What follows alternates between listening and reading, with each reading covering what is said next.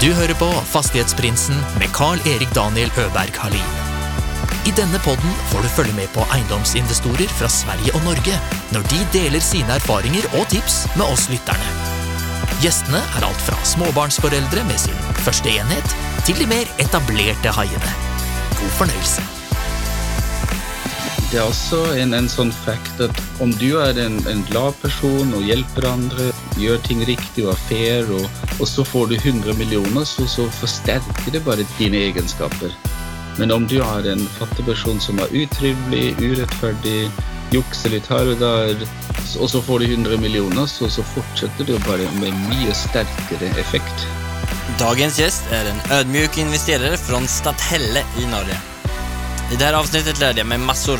Vi är inom uthyrning till olika typer av hyresgäster, spännande finansieringar och många andra kreativa lösningar som Thomas och hans kompanjoner har varit igenom.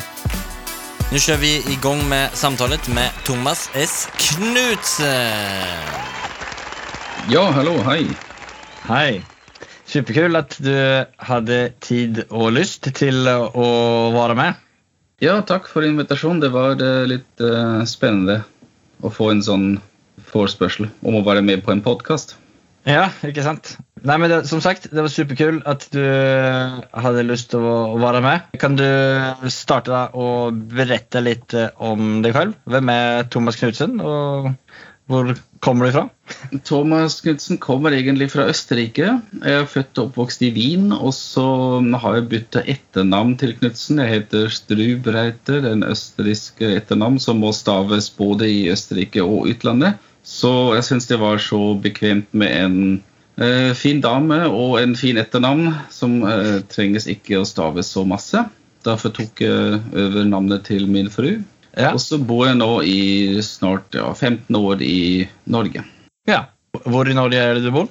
Jeg har bodd eh, ganske mye rundt Oslo, men nå har vi flytta for et eh, halvt år siden til eh, Stathelle, som ligger i Telemark. Det er to timer sør fra Oslo, vi langs kysten, så vi har eh, fin sjøutsikt fra huset vårt.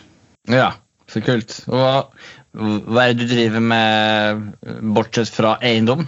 Jeg har en eh, superkul dagtidsjobb eh, for et østerriksk firma. Det var litt sånn tilfeldig også, men det, vi et eh, Vi er eh, ledende innen julebelysning, eller festive lighting, som det eh, kalles profesjonelt. Og vi leverer da julebelysningsprosjekter til eh, kjøpesenter og byer og gater, og også en del private. Og det er et eh, østerriksk firma med et kontor i Norge, og vi har så mye å gjøre med hovedkontoret for Skandinavia i Malmö. Så det blir mye svensk og mye blanding av tysk og norsk og svensk. Nei, men precis. Du bor i Statelle nå, og du jobber med belysning og har, holder på med eiendom. Hva har du for fritidsinteressen utover det da? Eh, Fritidens interesse er jo mest eh, familien. Vi har to barn, eh, to gutter, fire år og syv år. Og da går det jo mest fritid med dem, og det er litt båtkjøring og litt skogsturer og sykkelturer. Og, så det er egentlig fritiden min er familien. Ja, det er fint. Da deler vi det fritidsinteresset til, i hvert fall. Ja. Hvor er det du er verksam da, i din eiendomssatsing? Er, det, det i Statelle, eller?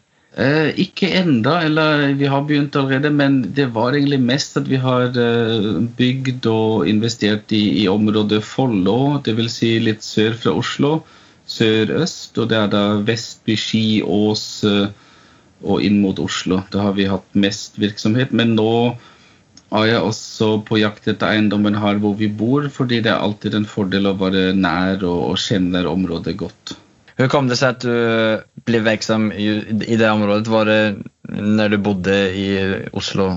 Ja, vi har egentlig begynt privat, og, og når vi gifte oss, så har vi kjøpt en liten leilighet i Ski og pusset den opp, og så bygde vi en halv del av tomannsbolig og solgte den, og så bygde vi enebolig og solgte den, og så eh, en tomannsbolig til som vi solgte, og så Jeg ser det nesten ikke som investering, fordi privat er det jo eh, Ja, det er jo sitt eget hus, og som som det ofte sies, your house is not an asset.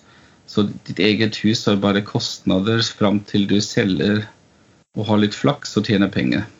Så Derfor har vi ganske bra erfaring i Vestby og Ski og Ås og det området. Du starta med å bygge til deg selv. Ja, bygge og selge til meg selv. Og i Norge er det jo så fint at en kan selge skattefritt på etter et år, så det er jo helt fantastisk å ta litt egeninnsats og så stikker av med ganske store beløp skattefritt. Ja.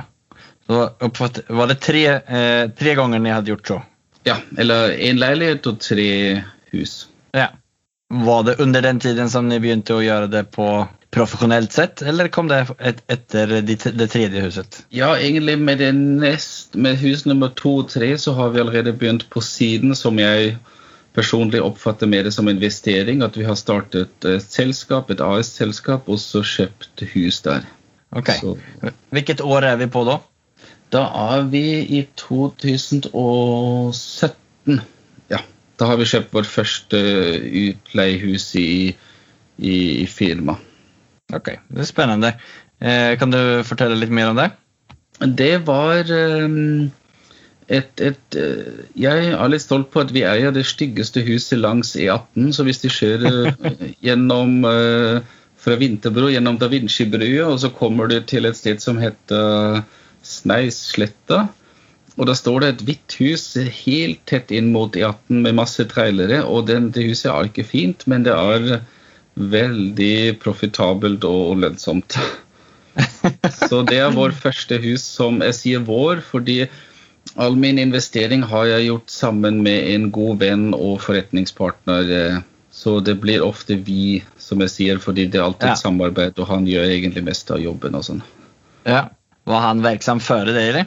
Det var sånn at vi tilfeldigvis kjørte hjem en gang fra Oslo, og så kom vi og prater, og så begynte vi å, å snakke om eiendom, og så fortalte jeg at han hadde en leilighet i, Finland han leier ut. Han kommer fra Finland opprinnelig. Og så Ja. syns jeg det var jo helt utrolig spennende at han, han har en liten leilighet som stiger i verdi og går i pluss hver måned, så det var jo helt fantastisk. Mm. Og da begynte vi å si kan vi ikke gjøre noe sammen her i Norge? Ja.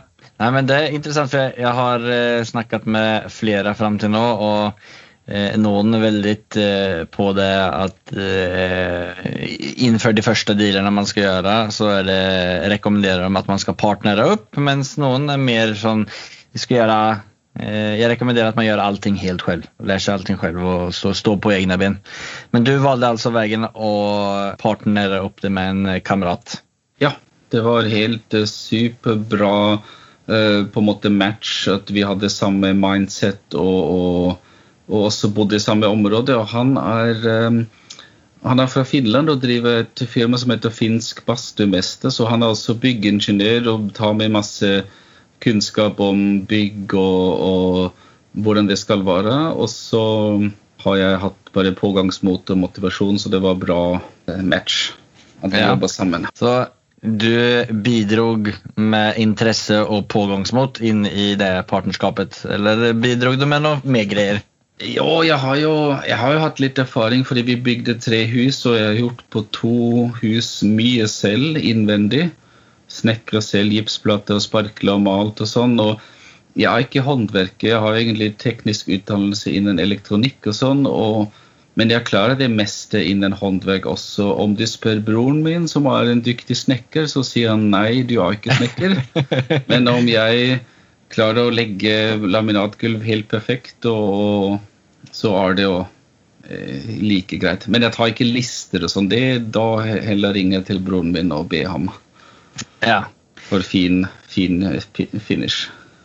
Mener du at, det, at man er avhengig av å kunne gjøre eh, mye selv for å komme i gang? Eller Nei, eh, hvis det, det er interessant eh, spørsmål. Fordi i begynnelsen så har jeg gjort mye selv, og vi klarte å, å komme oss opp i egenkapital. Fordi vi eh, kjøpte et hus som vi kunne tatt ganske mye egeninnsats, og da sparte vi flere hundre tusen.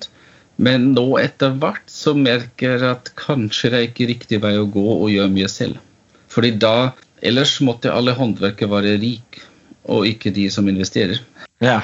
Så det har kommet nå etter flere år at jeg begynner å tenke det er kanskje ikke så smart å gjøre så mye selv.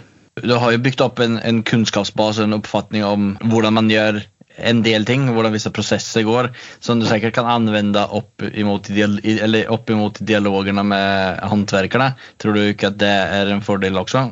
Ja, det er, det, er, det er, sant. Det er helt riktig. Jeg vet jo hvor lang tid det kan ta, og hva som er utfordringer, og absolutt den kunnskapen. Og også, jeg leste ofte i noen type bøker og sånn, den første millionen må en bare gjøre hva som helst. Så en, en, kan ikke gå helt gjennom og si nei, jeg skal egentlig ikke gjøre selv. Så det, en må male noen garasjer og, og ta noen støt selv og jobbe noen kvelder eller mange kvelder for å få tak i denne første millionen eller første egenkapitalen. Det er absolutt uh, riktig. Så da kjøpte ni det, det første flotte huset på Snausletta, var det så? Ja, riktig. Eh, og det var i 2017? Ja. Hvor stort er det? Hva er det for type av bygg? Det var litt interessant bygg. Det var uh, tilgjengelig litt sånn off-market. Det var ute på Finn, og ingen ville kjøpe det. Og vi så en mulighet at vi kunne deler av en tomt på baksida av huset. Så huset sto helt mot E18, men på andre sida var det plass for et hus til. Okay. Så vi, vi satser litt på det, også med kunnskap fra han andre og en god eh, kontakt jeg hadde innenfor byggsøknad. Og han sa jo, jeg mener vi kan skille av en tomt i tillegg. Så vi kjøpte det huset ganske frisk og satset på at det går an. Og hvis vi går rett på, du nevnte hvor stort jeg tror huset er, rundt 150-160 kvadratmeter. Og tomten var på rundt 1000 kvadratmeter. Og den gangen var det mulig å dele det i 500 pluss 500. Ja, For det har blitt endret på etter det i det området? Ja, det har blitt ganske endret i Ås kommune at det må ha minste tomtstørrelse av 700. Ja, ok. Men huset var på drygt 150 kvadrat, så det Ja. Og det eier ni fortsatt? Ja, vi eier det fortsatt.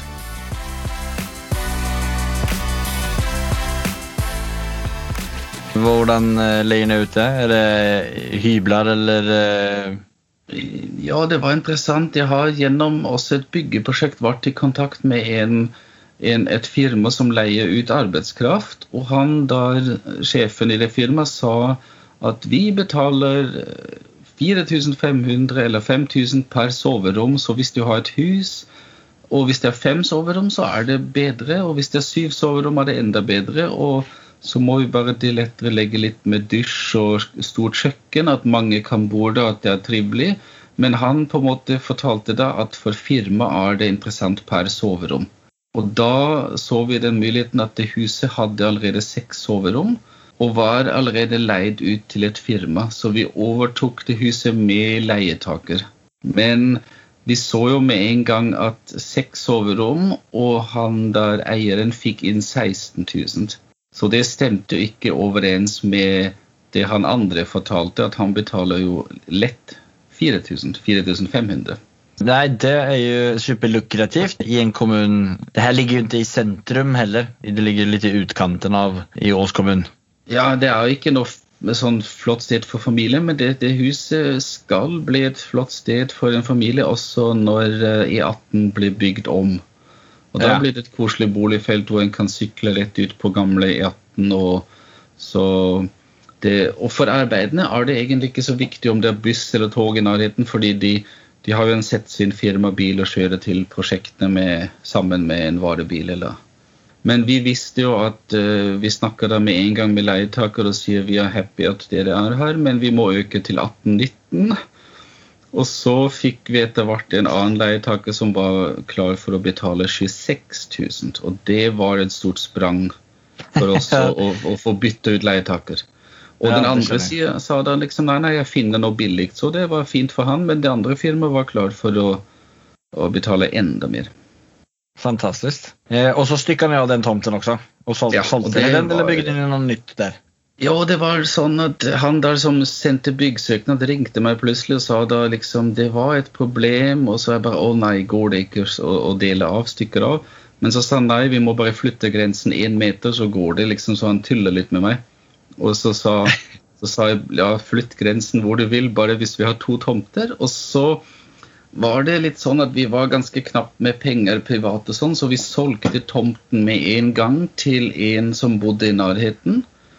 Og, og sa 'har du en tomt jeg vil kjøpe?' Og så sa han med en gang tomten er ferdig avstykket eller som det heter på svensk, så vil han betale 1,3 millioner for den. Ja. Og det gikk ganske raskt etterpå, noen dager etter det var, tomten var opprettet, så, så kjøpte han den. Så bra. En god timing. Ja, det var veldig bra timing, men etterpå så ser du spurte om vi bygde på tomten. Etterpå ser vi skulle ha bygd. Vi skulle ha bygd et hus og solgt den. Men i den situasjonen var det bare ikke mulig. Hvor mye mener du at du hadde klar, klart av å tjene hvis du hadde bygd et hus på tomten? da? Eh, Kanskje 800 000 til istedenfor 1,3 millioner, kanskje opp med 2 millioner. Det, det er jo lett å være efterklok, men eh, Ja, hvis, man, hvis man ikke har mulighet til å gjøre det, så godt at man lærer seg så lenge man lever. Ja, ja, ja, absolutt. Det var viktig læring, hele prosjektet. Ja. Hva skjedde etter det, da? Da var det sånn at jeg tror vi begynte med privat et hus igjen, så vi, vi satt våre investeringer litt på vent.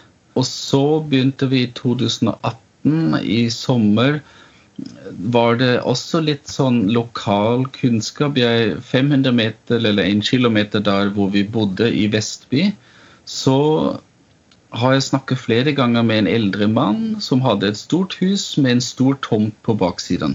Og vi, vi tenkte liksom oi, det hadde vært en bra nummer to å få tak i et hus med, med tomt på baksida. Og så kjører jeg til jobben, og så plutselig ser jeg megler, eiendomsmegler 1 stå i, i hagen, og så han klistrer et sånt skilt til salgs på, på huset. Og jeg bare nei, nå er den på Finn, og nå er det Eh, Nå er det nesten tapt, så jeg pratet med eiendomsmegler med en gang og sa hva skjer her? Ja, de, de, de eldre personer de ønsket seg nå en leilighet, og de kjøpte en leilighet, og han, han fikk da oppdrag samtidig å selge huset. Så spurte jeg hva skjer med tomten bak. Ja, jeg anbefalte å selge det samlet. Så sa jeg oi, det er smart at du anbefalte det. Ja. Så det var helt grusomt dumt. Men uh, det har jeg ikke sagt til han, så jeg spurte når kommer det ut på Finn. Det kom ut på Finn på fredag. Og det var tirsdag, husker jeg. Så jeg ringte en god venn som jeg visste han vil ha en tomt å bygge. Så sa jeg har du lyst på en tomt i Vestby? Ja. Kan du låne oss en million? og så sa han ja. Så ringte jeg til banken og sa vi har funnet et hus for 5,1. Så spurte banken har dere egenkapital. Ja, det har vi. Er det en million nok? Liksom, det gikk nesten så raskt som jeg forteller. Okay. Og så ringte jeg til megleren og sa hvis vi legger en pris på 5,1 prisantydning før fredag, legger du ut da huset på Finn? Så sa han nei, da, da aksepterer kjøperen dette. Hva, hva lå den ute for? Eh, 5,1. Så, så hvis du la prisantydning, så Ja, så megleren hadde planer om å legge ut for 5,1. Hvis du la 5,1, så la han ikke ut den for det? Ja, ikke sant? Så det var egentlig ganske snilt av megleren, så jeg merker nok at megleren ville gjøre minst mulig for sin provisjon. Ja. Og så vil gjøre minst mulig også for de eldre personene. Men sånn er det. Det er bare Vi måtte bare ta det så raskt som mulig. Og så på fredag var det egentlig alt signert. Og så kom jeg hjem til min fru og så sa jeg, du, vi fikk kjøpt hus. Og hun bare «Eh, Hvilket hus? Så jeg har glemt egentlig å fortelle henne om det huset. Fordi det var bare to dager. Og så banken sa ja, vi kan overta om fire uker, og må få papirene klart. Så det gikk ganske raskt, og så eide vi et hus med en flott tomt på baksida. Så det var gøy. ja, det var fantastisk, da. Og så overtok ni det huset. Ja. Hva skjedde videre da? Og da hadde vi en, eh, en snekker som jobber selvstendig, som uh, pussa opp det huset innvendig. Også dama hans hjalp masse, hun er flink å male. Og så har vi pussa opp huset litt sånn eh, freshe farger og litt sånn ny, ny gulv og ikke, ikke mye Bare kosmetisk, liksom. Og vi delte også opp i flere soverom. Ja. Men Så totalt ble det fem soverom. Som ni sedan leide ut til eh, bedrift igjen, eller? Ja, det var også bedrift, og det var eh, for en liten periode også samme bedrift som hadde behov for flere rom, som sa liksom å ja, hus i Vestby, ok, vi kjører på. Så da var det også en veldig bra pris for utleie. Og så var det sånn at etter kort stund så fikk jeg tips fra en som jobber med eiendom, at den tomten som de eier bak nå, det er egentlig en tomannsboligtomt. Du kan bygge tomannsbolig. Og så prater vi litt, og, og, og han ene som lånte oss penger, ville jo egentlig bygge der. Men så prater vi med han andre som sa jeg vet eh, at jeg har tomannsboligtomt. Så han var da interessert i å kjøpe den for 2,45, altså 2450. Ja. Og det var jo nesten halvparten av det vi kjøpte huset for. Så det var en fantastisk eh, deal. Så vi pratet med en andre og sa liksom ok, og så delte vi gevinsten ganske fair med, med han som lånte oss penger. Så han lånte oss penger for, et, for bare en periode av fire måneder. Og, og, og, fikk da en god bonus fordi vi solgte tomten så dyrt. Så, så det var en vinn-vinn egentlig for alle. Hvordan ser ditt, om man skal kaste litt eh, trendy ord fram og tilbake, powerteam ut? Powerteam er absolutt min, min, partner og kompis, eh, han finske. Og så er det vår eh, regnskapsfører. Eh, vi har valgt, selv om det koster litt mye å ha en regnskapsfører som fikser alt, så er det trygt å ha han som, som sier liksom nei, det må du sende en gang til, og hvor er det bilaget? og Sånn kan vi ikke gjøre, og sånn anbefaler jeg at han hele tida følger med og, og gir uh, trygghet på at regnskapet er riktig. Og også overfor banken virker det bra at de spør om noen ting, og så kan han da svare. Ja. Det er del av Power Team. Og så er det også han ene som, som da sender byggesøknad og litt som arkitekt som, som, som er viktig partner for uh, sånne løsninger. Kan vi bygge tomannsbolig? Kan vi bygge skjelleleilighet osv.? Det er også del av Power Team. Og kanskje også en-to investorene som, som, har lånt oss penger, som har del absolutt av Power Team som vi kan eh, gå til og, og, og spørre om de vil være med på neste prosjekt. Hvordan pleier dere å sette opp dealer med de? Er det renter eller en kutt av, eh, så som det ble på den eh, tomannsboligen du nevnte? Eller finnes det andre metoder som de anvender? Vi har, jo, det var bra. Vi, vi har egentlig lånt bare to-tre ganger penger. Fire ganger fra private. Og så den ene dealen var at han gir oss denne type millionen, og vi, eh, vi betaler da Han får kjøpt tomten da for en bedre pris. Og så den andre delen en gang var at vi lånte lånte større beløp til eh, prosentandel, og han fikk da betalt renter hver måned. Og så om til avtalt tid, etter 16 måneder, tror jeg var det, kom hele beløpet tilbake. Og det har fungert bra? Jo, det har fungert bra, og det, det var, var, mye avhengig av tillit. At uh, han kompisen min kjente den personen veldig godt, og så var han med på å, å, å, legge inn penger. Og noen personer har jo på en måte fått penger fra noe firma eller hus, og så istedenfor at de ligger i banken, så, så, vil de heller ha at de penger eh, kaster av seg gode prosent. Og i tillegg så syns de kanskje det er også litt artig at, at de penger jobber med noe og skaper noe. Bygger et hus eller og ikke bare stå der og vente på inflasjon. Så sitter dere kvar med det huset til Vestby fortsatt? Ja, det sitter vi kvar. og det en liten interessant detalj kanskje som var litt morsomt. Vi gikk da til banken og sa nå har vi solgt halvparten av uh, tomten. Og så har vi fått allikevel 5,4 i takst for huset. Og så han bankmannen sa da liksom nei, det her går ikke, du kan ikke kjøpe en kake. Og så spiser du fem-seks biter, og så kommer tilbake med kake til butikken og sier den har fortsatt vært samme. så han syntes det var ikke riktig. Og så ringte han til denne takstmannen og spurte hva skjer her. De kjøper et hus for 5,1, selger tomten for 2,4, og så likevel gir du takst for 5,4. Det, det er ikke noe igjen. Så sa han takstmannen nei, nei, nei, det er knall god kjøp. Og det huset ble alle dager 5,4, og den tomten ble solgt, det har du sett. Og, og så sa han liksom du jobber med bank, og jeg med takst, OK? og så sa bankmannen OK, han likte ikke det helt, men han var med på å refinansiere da eh, den millionen til han ut igjen. Skjedde etter det, da? Da er, det, er ni på hus nummer to i ja. uh...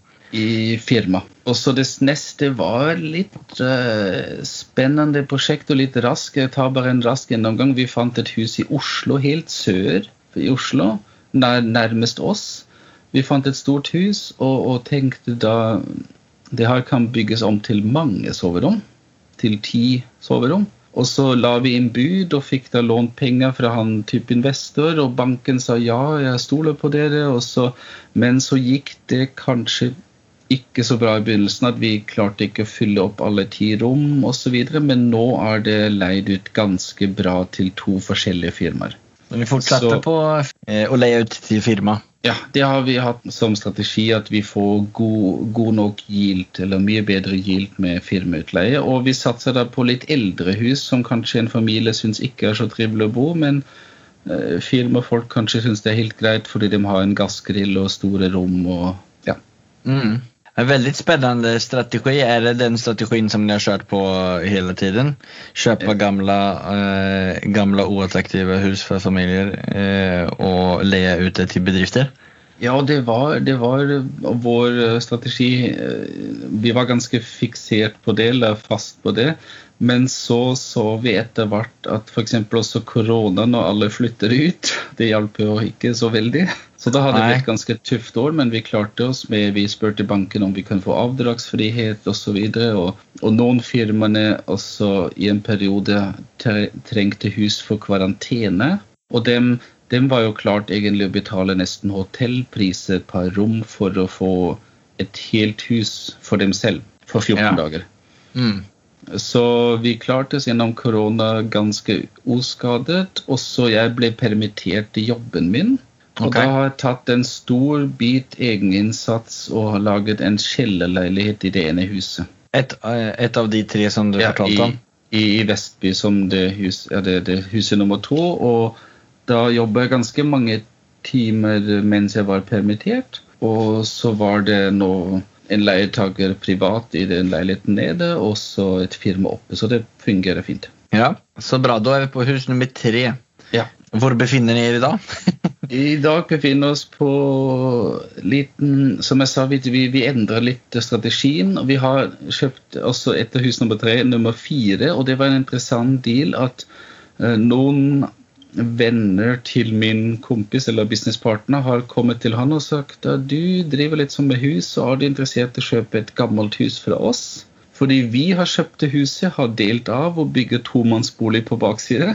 Og vil du kjøpe på en måte resten? Og det hørtes interessant ut for oss, og da fikk vi en deal som var ganske interessant, og den heter selgerskreditt, eller Sellers Finance. Kan du berette litt om hva det innebærer? Så for uh, Vi hadde jo til det tidspunktet ingen egenkapital å stille opp med for banken. Men så sa da selgeren at jeg kan vente på de siste 20 i, i ett år. Og, og for banken var det litt nytt, og vi ventet litt med å fortelle det. At vi sa liksom ja, ja, egenkapital har vi. Men til slutt så sto det jo i kjøpekontrakten at egenkapital låner vi også fra selgeren. Hva var det for typ av hus? Det var et ganske stort uh, hus, eh, enebolig på Langhus uh, rett, uh, ved, ved stasjonen. Så kjempefin beliggenhet, egentlig. Det er veldig interessant det at en privatperson går med på og foreslår at man, man skal selge med selgerkreditt. Det er jo litt vanligere i, hvis man skal selge en bedrift kanskje, eller en Ja. lite större egen, eh, kommersiell eiendom. Absolutt. Det, det er ikke, de fleste er litt skeptisk for selgerskreditt, og hvis en forklarer det, og if, if people are confused, the answer is always no. Så de fleste skjønner nok ikke prinsippet og sier nei uansett. Men den personen hadde jo da litt sånn investor-mindset fordi han skulle jo bygge hus i hagen. og og han trengte ikke de pengene med en gang, og han syntes jo det var flott at vi kjøpte det huset mens han bygger, så, så forstyrrer han ikke den nye familien. Og så det var også en litt sånn vinn-vinn. Og han kunne da fått bra avkastning av de siste 20% Ja. Men alle de historiene jeg forteller nå, høres så bra ut på podkast og sånn, men det er eh, så mye utfordringer og problemer som vi har løst, at det er helt uh, fantastisk. Du slår meg som at du er en ganske ro, eh, lugn man. Nu påstår jag någonting, men stressar du upp dig mycket? Eller är, det, kan du, Ja. är du lika lugn som du låter? Nei, jeg er nok ganske ofte litt sånn stressa og sitter ikke stille. Og, men jeg har også bevisst nå etter hvert lært meg å være litt mer kald med sånne investeringer, og, og, og de problemene løser seg. og ja. Så plutselig ringer det politiet og sier det skjer noe i huset deres, så vi bare Det må de nesten snakke med de som bor der. sånn, så, så, så en blir litt tøff, tøffere etter hvert og, og, og, ikke tar sånne svingninger. Og, selv, og vi sa også, det var en god venn av meg som sa det, hvis du blir så superglad når penger kommer inn, og så superstresset når, det, når de taper, så, så har det ikke noe å gjøre med business. Du må være litt mer kald. Ja. Det var et bra mindset. Eh, jeg fant deg på et, på, jeg fant jo deg på et forum på Facebook der du har vært ganske delaktig. Gjør du det bevisst? Ja, det var litt sånn ikke helt min natur eller min, min Jeg har begynt å gjøre det mer og mer fordi en får gode kontakter, akkurat som du, og som kan altså hjelpe litt andre. og få litt uh, En må tørre å stikke huet litt fram, og det har jeg gjort litt mer bevisst nå i, i kanskje et år. At jeg ikke bare holder på med mitt, men også deler litt og være litt mer synlig. Har du sett at det har vært positivt for deg på noe sett? Ja, jeg har vært i kontakt nå med en som, som skrev til meg også på Facebook og spurte noen detaljspørsmål. Og så sa han liksom ja, hvis du har noen prosjekter, så kunne vi kanskje gjort noe sammen.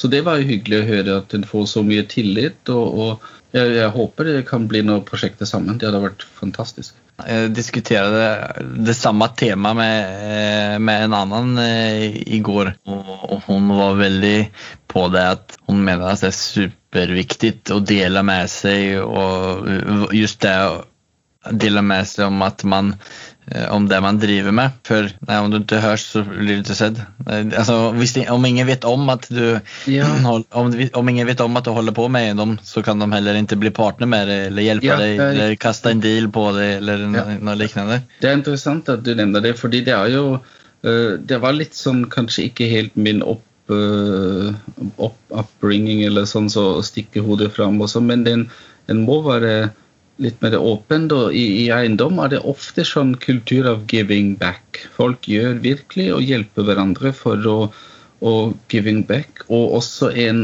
coach som jeg har brukt uh, tidligere, han sa liksom There is no competition in real estate. Han sa om din, din naboer har fem utleiehus, og du har fem, så er ikke det noe competition. Han sa there, is enough real estate for everyone. Og det var litt sånn interessant mindset at det, det, er, det, er, ikke noe vits å liksom Jeg må være raskest og fortest og best. og, og så Det er bare å Jeg bygger ti hus, og du bygger ti hus, og så har vi det ganske bra begge to.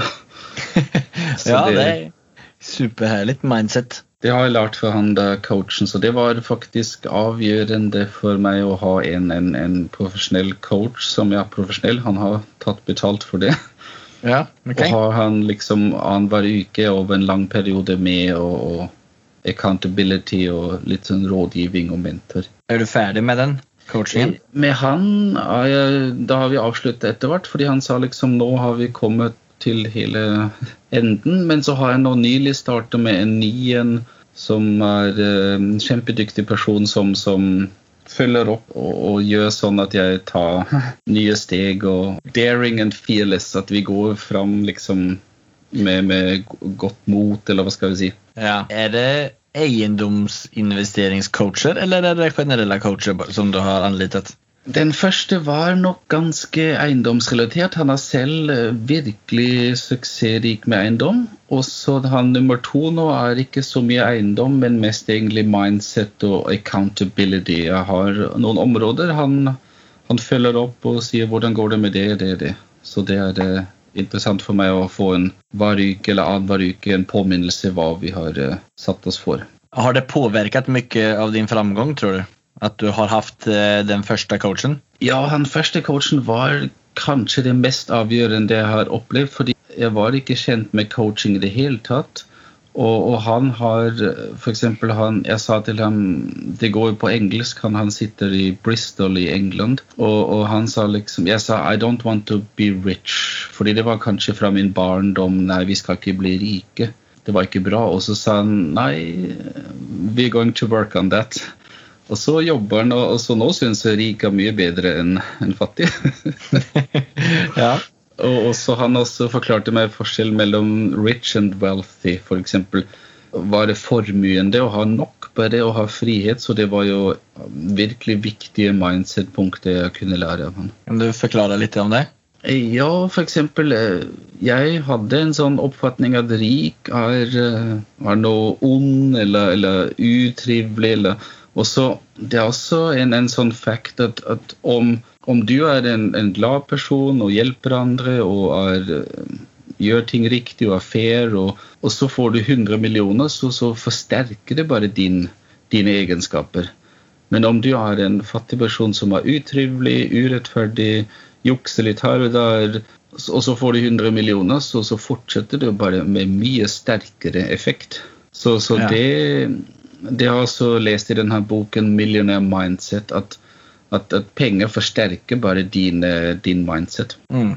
Okay. Og, det, er, det har jeg opplevd det er helt riktig, og det må jeg bare være bevisst på. Veldig interessant, interessant punkt der, Thomas. Den boken har jeg faktisk ikke lest, men det skal jeg skrive ned. Og... Den kan jeg anbefale. 'Millionaire Mindset' av T. Harv Ecker. Hva har du for mål med din virksomhet? Vi har kjøpt eh, domenet 1000hjem.no. er det greit? Ja, Er det et av dine mål, mener du? Nei, Målet er bare å ha på en måte frihet. fordi akkurat nå så liker jeg veldig jobben min jeg jobber med. Men uh, det hadde vært flott å ha uh, en god inntekt til familien fra eiendom, og så vet at uh, jeg kan bare jobbe en jobb som jeg syns er gøy, med en liten frihetsfølelse i tillegg. Så det tror jeg absolutt er min motivasjon. Og også, som de sier ofte, du hører jeg leser masse bøker og hører på podkast, de sier på engelsk og de sier 'generational wealth'.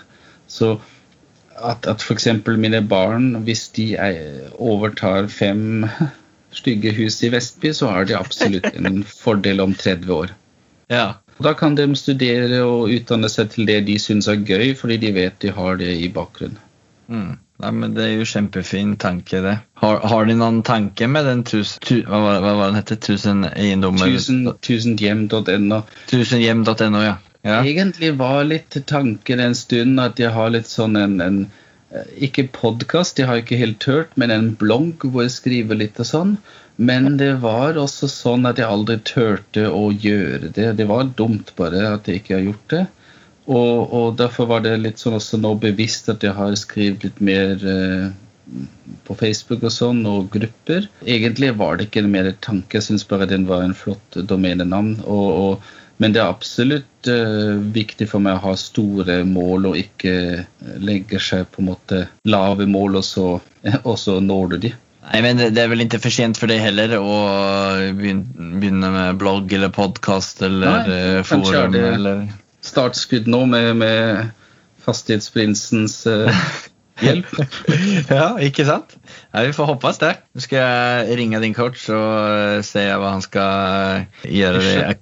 Accountability til Eller hva heter det? Accountable til eh, ja. vi, vi, neste samtale. Jeg kommer gå inn og kolla på 1000hjem.no en gang i uka, så kan vi se hva Oi, oi, oi.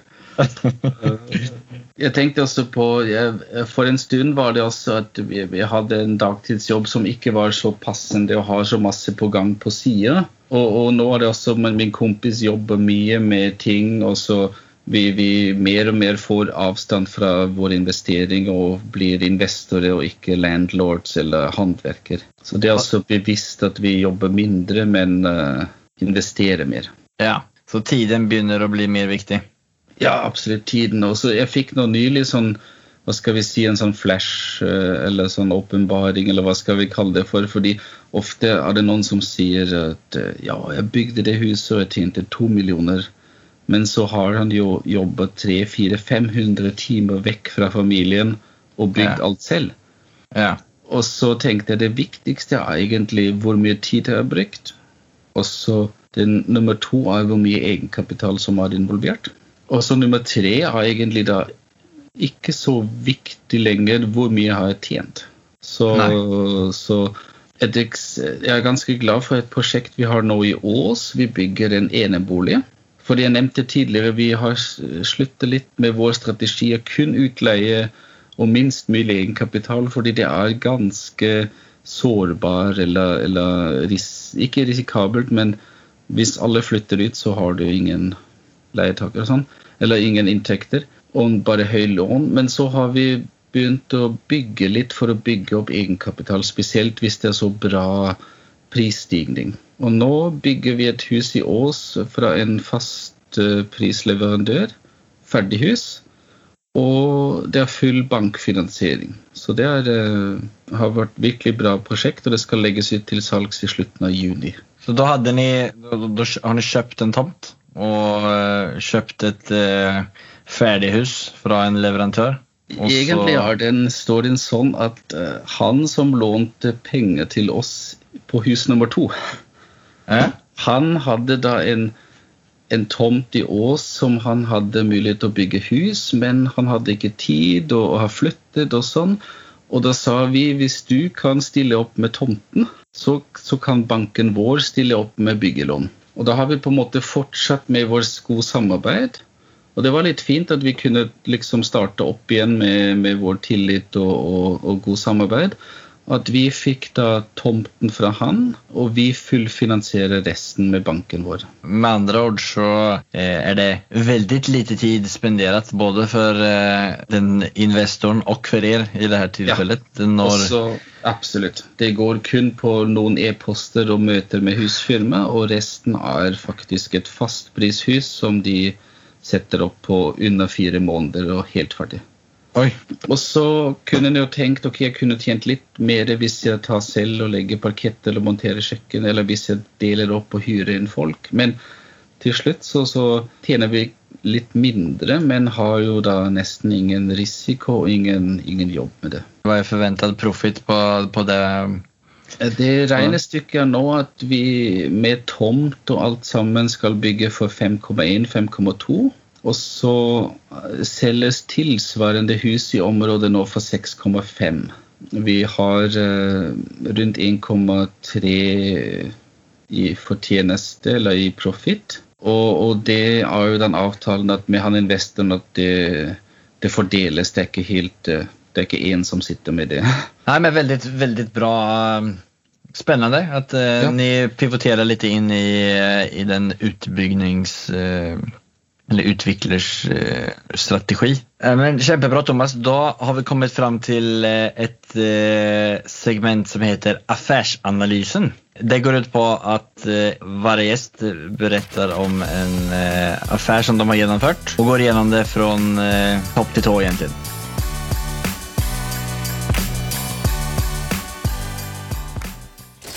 It has not been easy for me. And, you know, I, I started off in Brooklyn. My father gave me a small loan of a million dollars. Affärsanalysen.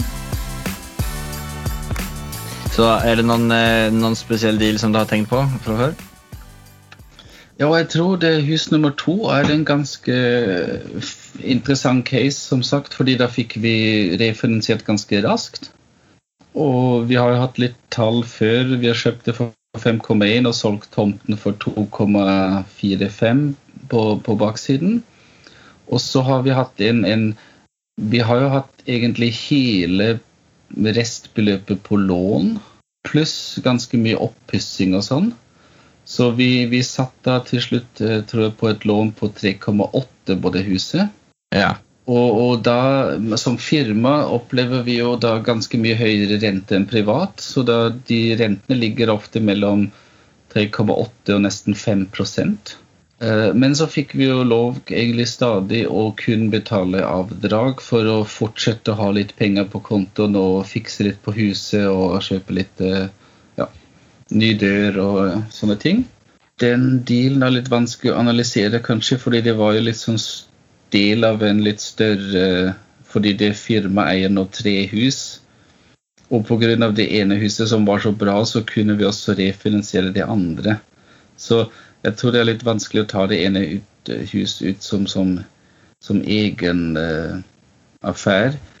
Og så nå med leiligheten i som i kjelleren, som bringer inn 11 500, eh, så er det jo leieinntekter på skal vi si 35, 30, 35 500 på et hus som ble kjøpt eh, for kanskje med oppussing 3,6 eller alt sammen. Så, så vi, vi klarer en yield på rundt 1% som de sier hele tida i USA. At de sier de kjøper et hus for 200 000 dollar, kan jeg leie det ut for 2000 i måneden. Ja. Og, og, og det er altså det vi går gjennom med våre raske analyser. Finne et hus i, i, i Lillestrøm for 6 millioner, kan jeg leie det ut for 60 000? Nei, det er ikke mulig. Er det en tumregel som du følger, prøver å etterstrebe? Ja, det er, vi, vi, Hvis jeg ser en annonse, en leilighet som kommer ut i, i Porsgrunn eller Skien, en leilighet som kommer ut på 1,6 millioner, så tenker jeg er det mulig å leie det ut for rundt 16 000 i måneden? Nei. Meste tilfellet nei. Men i dette tilfellet så kjøpte ni huset for 5,2 og så delte ni av den. Ja, så, så vi kjøpte egentlig huset for 2,6, pluss jeg husker omtrent 400 000 for oppussing og, og 400 000 for leiligheten, så til slutt er det rundt 3,5 vi, vi ga for huset nå. ja OK. Da skjønner jag. Och per dags dato så var det eh, 5,5, noe sånt. Ja, absolutt. Eh, Kanskje nå med ny leilighet enda mer. Ja, så det er, eh, det. vi bygger opp god egenkapital nå med bare stigningen. Og jeg er også, jeg må innrømme, jeg har blitt litt bedre nå, men eh, vi har ikke hatt sånn riktig god kontroll over tall. Alt gikk sånn så som så, men jeg har blitt litt bedre nå med Excel og, og virkelig, som de sier i podkast, know your numbers. Altså altså, virkelig vet. Ja. Så, så det, det var vel litt eh, litt dårlig punkt fra, meg, fra min side at jeg ikke hadde så god kontroll på, på tallnivå. Du trenger ikke å ha så god eh, kunnskap på tall når du gjør så det er bra dealer. Ja, det er jo også interessant at du sier dealer. Sånn, det er jo sånn you make the money when you buy. En kan være så dyktig som en vil. Om du ikke får et bra kjøp, så er det nesten håpløst. Og, og de gode investorer er jo bare så gode, for de kjøper kun de gode deals så la de andre gå.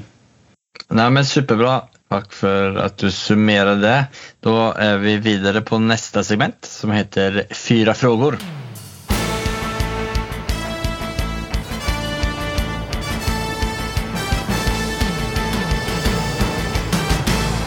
Cuatro preguntas. Første spørsmål på det er hva er det som skiljer en framgangsrik entreprenør mot de som mislykkes, slutter eller aldri kommer i gang?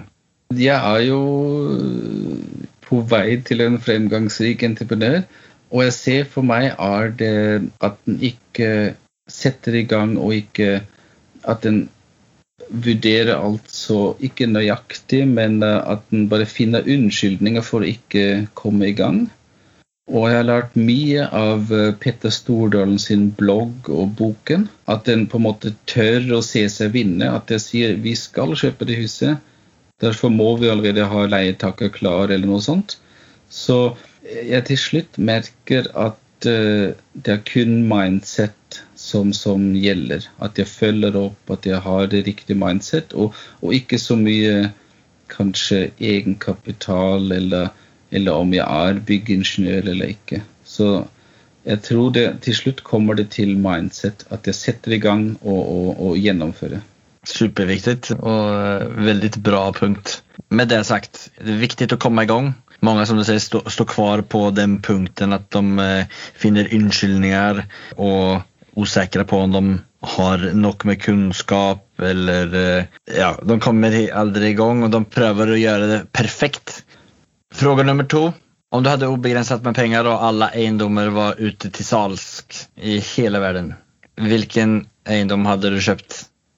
Jeg har en liten drøm, og det er å kjøpe et gigantisk stort område i nærheten av eh, Oslo, eller der hvor folk bor, ikke helt Nord-Norge, og så lage en stor fritidspark. Hvor okay. en, fordi jeg bare elsker å kjøre med bil i skogen og liksom four-wheel drive og motorsykkel. Og, og, og tenk å ha en stor eiendom hvor de kan ha en, en, en bom hvor de drar kortet, betaler 1000 kroner, og så har du masse flotte sti. Akkurat som skisenter har du blue, red and, and, and black eh. Og så kan de kjøre og ha hytter hvor de kan overnatte og grille. og og så smale stier for motorsykkel og breie stier for fine SUV-er og, og madd og fjell. Og, så sånt hadde vært en drøm, og jeg tror faktisk det lar seg gjøre. Så jeg ser litt etter bondegårder og sånn. Det man får kjøre, kjøre fritt med alle mot, mot leksaker det. egentlig? Ja, det må sikkert reguleres og sånn, men hvis det er en små kommune og politikerne er med, så får de jo regulert det til eh, fritidspark.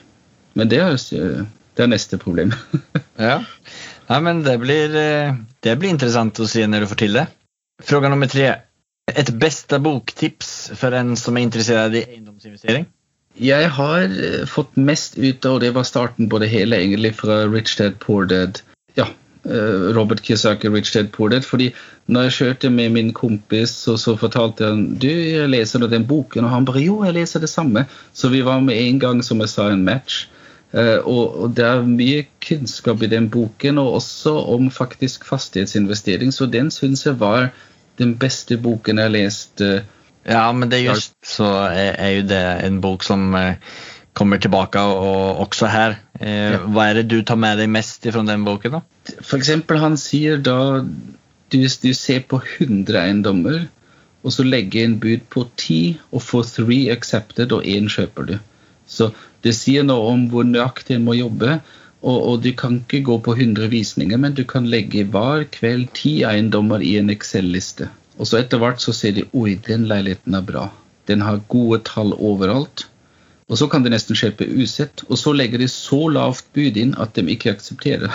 Og så endelig får du en som er grønn i dine kategorier, og så lavt bud aksepterer, og så kjøper du. Så, så det, det er bra mindset fra han Robert Kiyosaki at du må gå fra 100 til 10 til 3 til 1. Så så mye jobb er det å finne gode eiendommer. Fjerde og siste spørsmål.